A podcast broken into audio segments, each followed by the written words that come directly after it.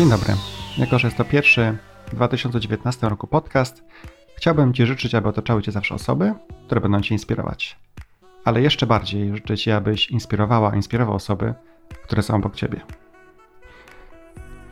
Znalazłem dzisiaj ciekawy artykuł na stronie Harvard Business Review o tytule Plusy i minusy bycia perfekcjonistą. Zgodnie z badaniem, które przeprowadziła czwórka autorów tego artykułu, najczęstszą odpowiedzią na pytanie, jaka jest Twoja największa słabość, padało jestem perfekcjonistą. Pojawia się pytanie, czy to raczej nie jest zaleta, a nie wada? Czy wielu z nas nie postrzegałoby tego jako dobrej cechy? Szeroko zakrojone badania wykazały, że psychologia perfekcjonizmu jest dość złożona. Tak, perfekcjoniści dążą do tworzenia bezbłędnej pracy, a także mają wyższy poziom motywacji i sumienności niż nieperfekcjoniści. Są jednak bardziej skłonni do ustanawiania nieelastycznych i nadmiernie wysokich standardów oraz do krytycznego oceniania swoich zachowań. Wyznają również zasadę wszystko albo nic, co możemy przetłumaczyć na moja praca jest albo doskonała, albo to totalna porażka.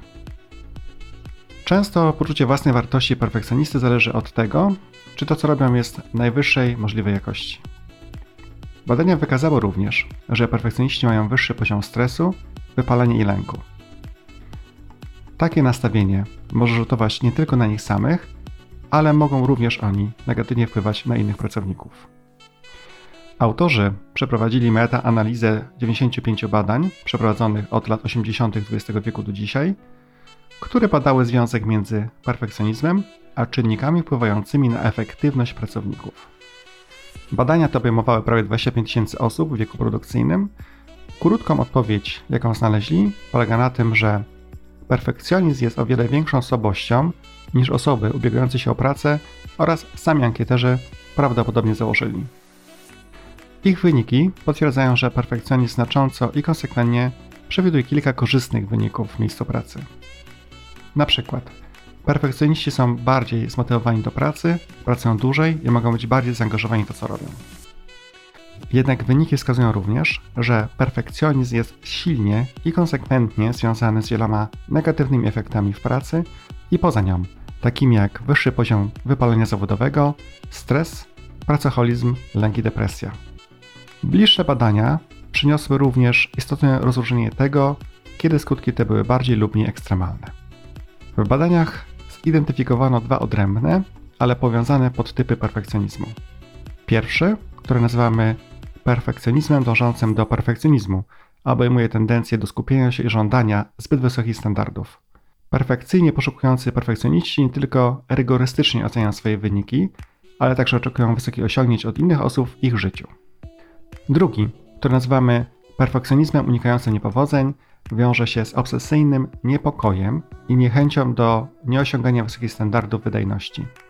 Perfekcyjni perfekcjoniści nieustannie martwią się, iż ich praca nie jest wystarczająco dobra i wierzą, że stracą szacunek innych, jeśli nie osiągną doskonałości.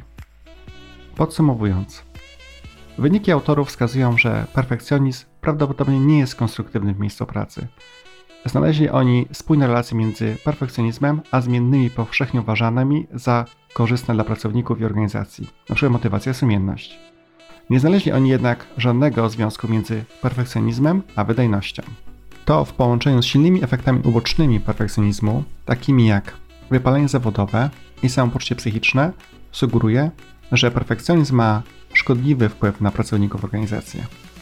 Innymi słowy, jeśli oczekuje się, że perfekcjonizm wpłynie na wydajność pracowników poprzez zwiększenie zaangażowania i motywacji, to ten pozytywny wpływ jest równoważony przez przeciwstawne siły, takie jak wyższa depresja i lęk, które mają poważne konsekwencje wykraczające poza miejsce pracy.